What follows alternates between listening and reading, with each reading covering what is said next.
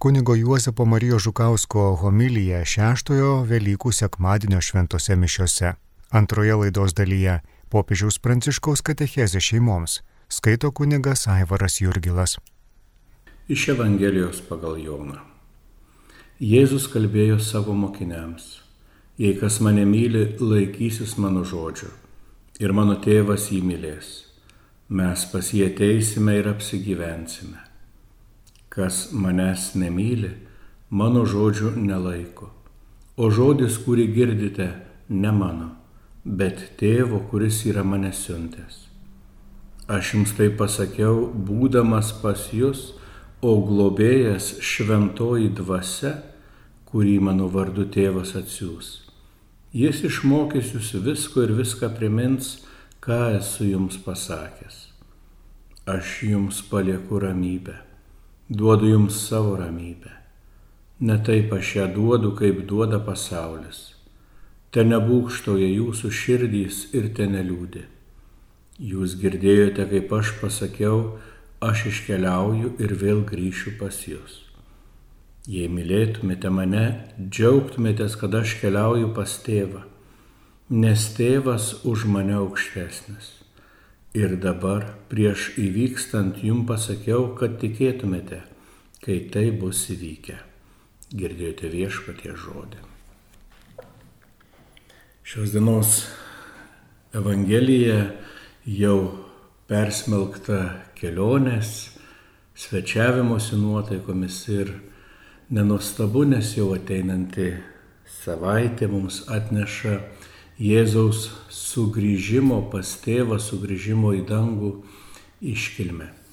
Ir ta atsisveikinimo nuotaika, ji gali būti iš ties šiek tiek liūdna, nes mokiniai, kurie jau išgyveno išsiskirimą su mylimu mokytoju, su Jėzumi ir po to patyrė prisikelimo džiaugsmą, vėl turės su Jėzumi atsisveikinti. Ir įdomu tai, kad prieš atsisveikinant Jėzus kalba apie jo ir tėvo ateimą pas mus, į mūsų namus, į mūsų širdis.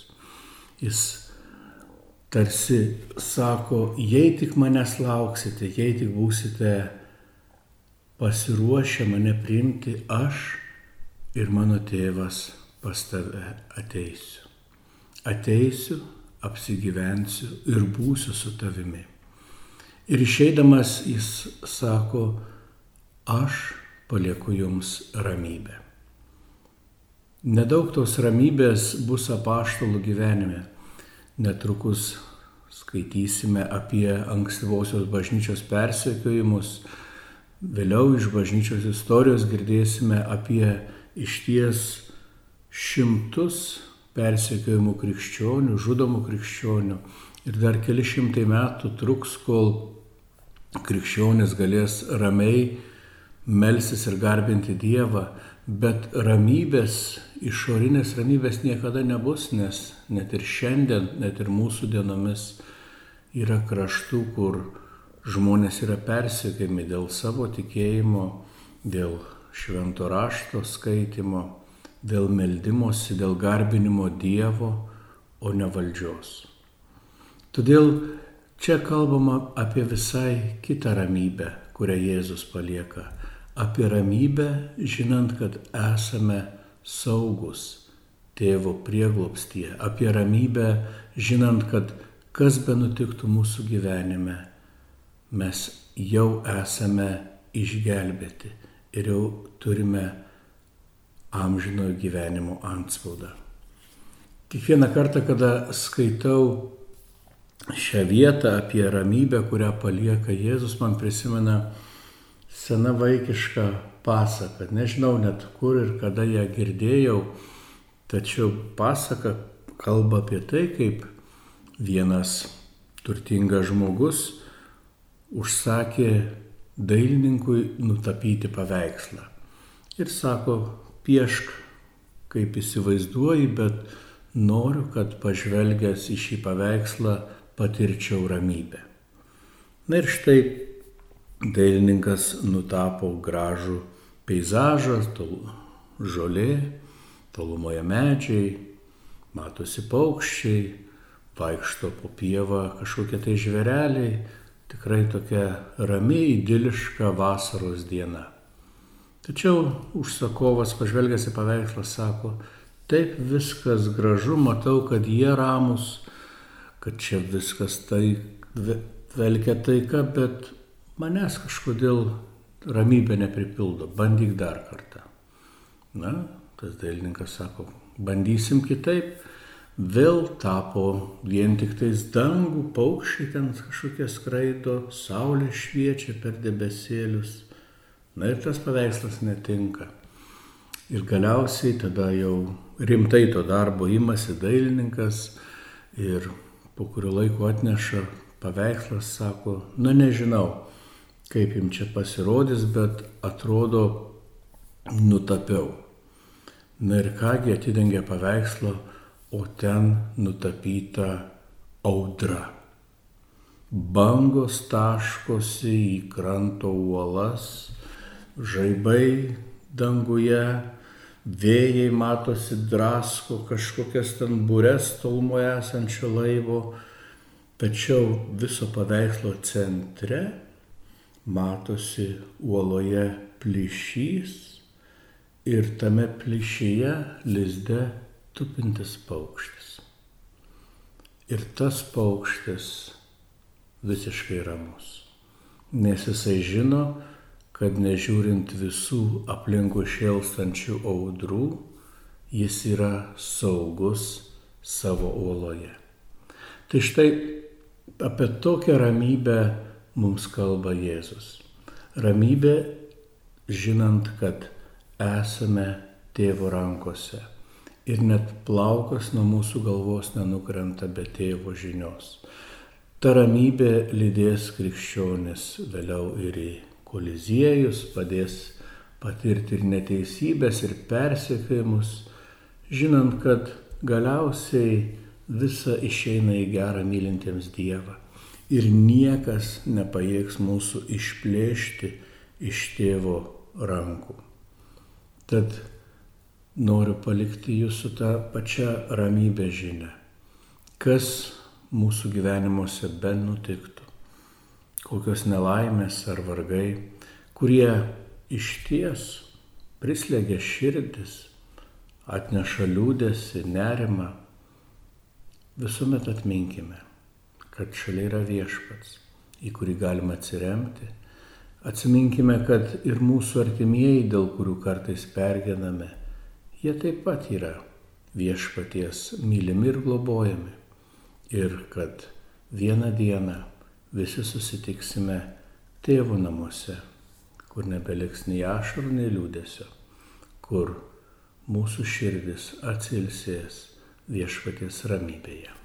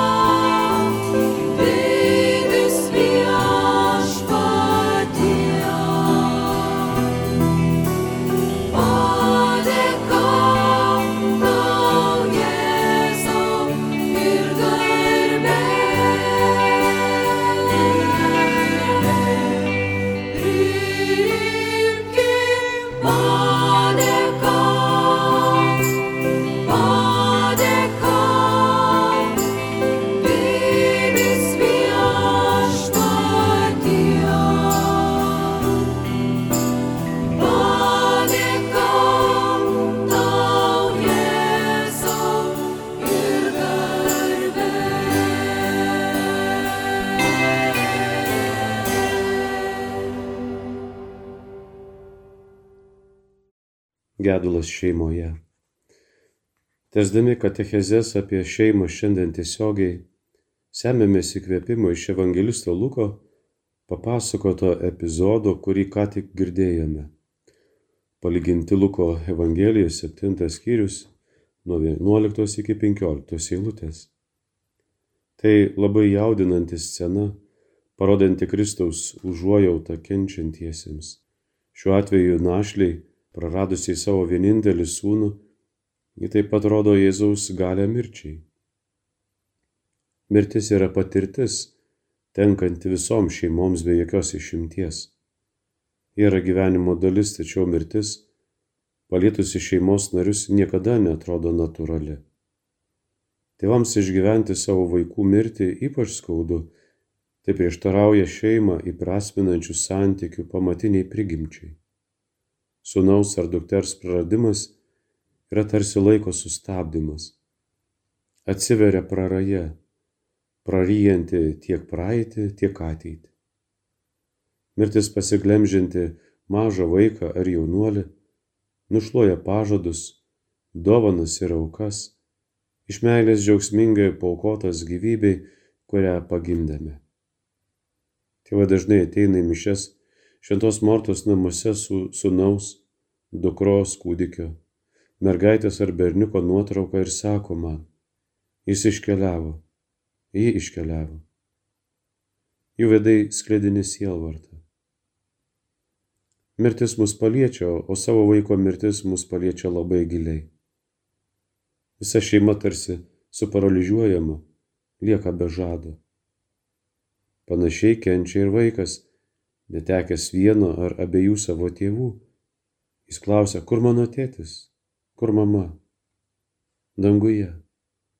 O kodėl aš negaliu jo pamatyti?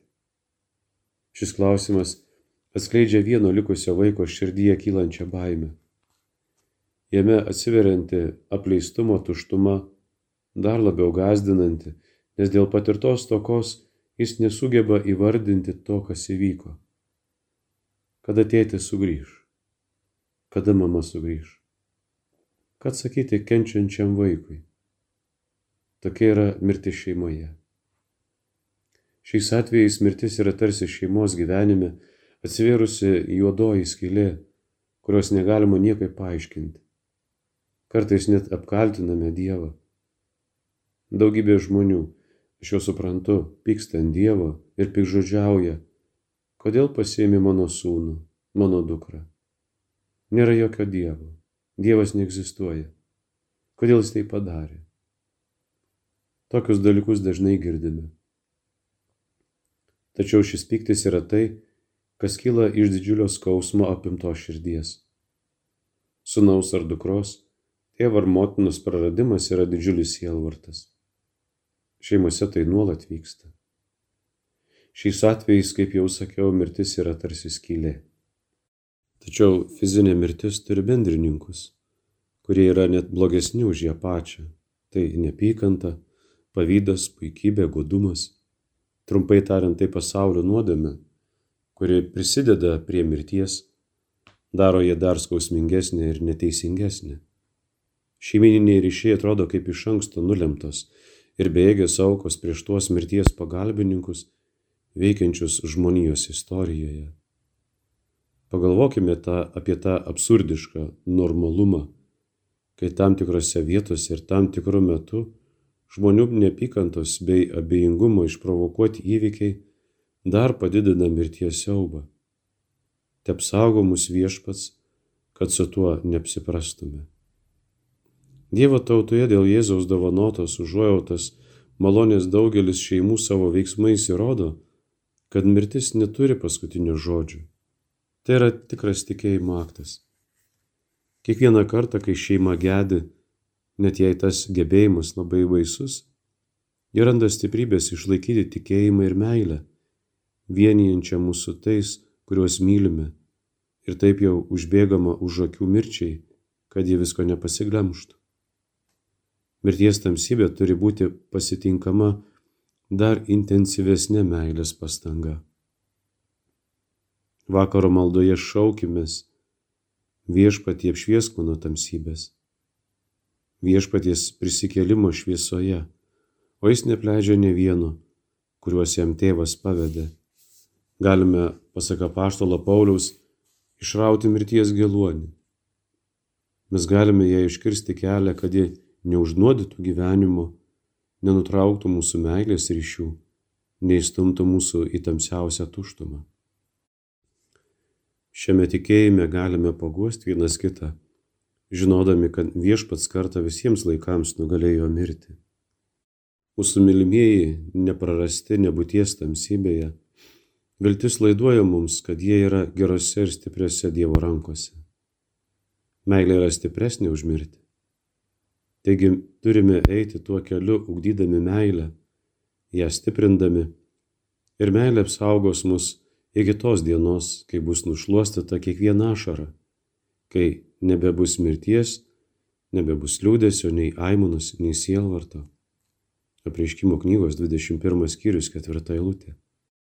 Jeigu leisimės palaikomi šio tikėjimo, gedėjimo patirtis gali net sustiprinti šeimos ryšius, nuėjai atverti kitų šeimų skausmui, kildinti naują brolystę su šeimomis, gimusiomis ir atgimusiomis viltyje.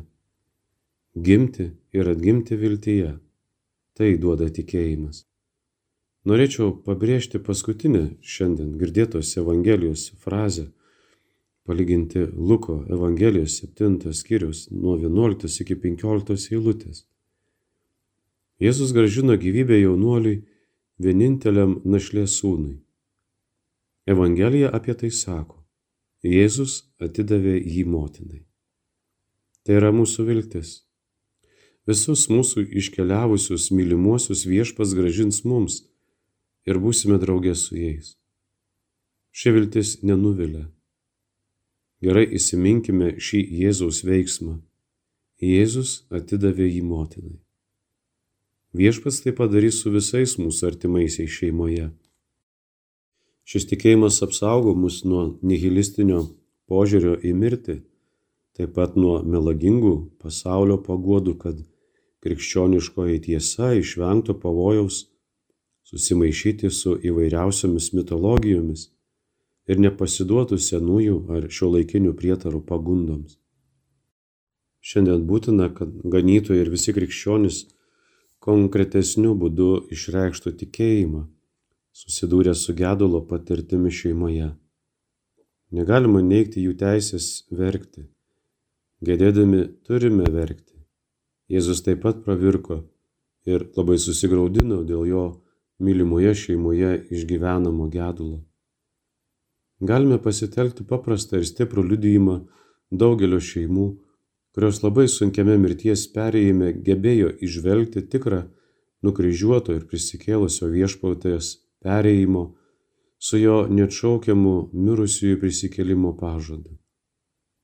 Dievo meilės darbas yra stipresnis už mirties padarinius.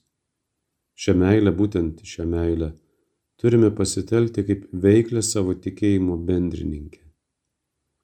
Atsiminkime Jėzaus veiksmą. Jėzus atidavė jį motinai. Jis tai padarys su visais mūsų artimaisiais ir su mumis, kai mes vėl susitiksime, kai mumise bus galutinai nugalėta mirtis. Ji buvo nugalėta Jėzaus kryžiumi. Jėzus mus vėl suburs šeimoje.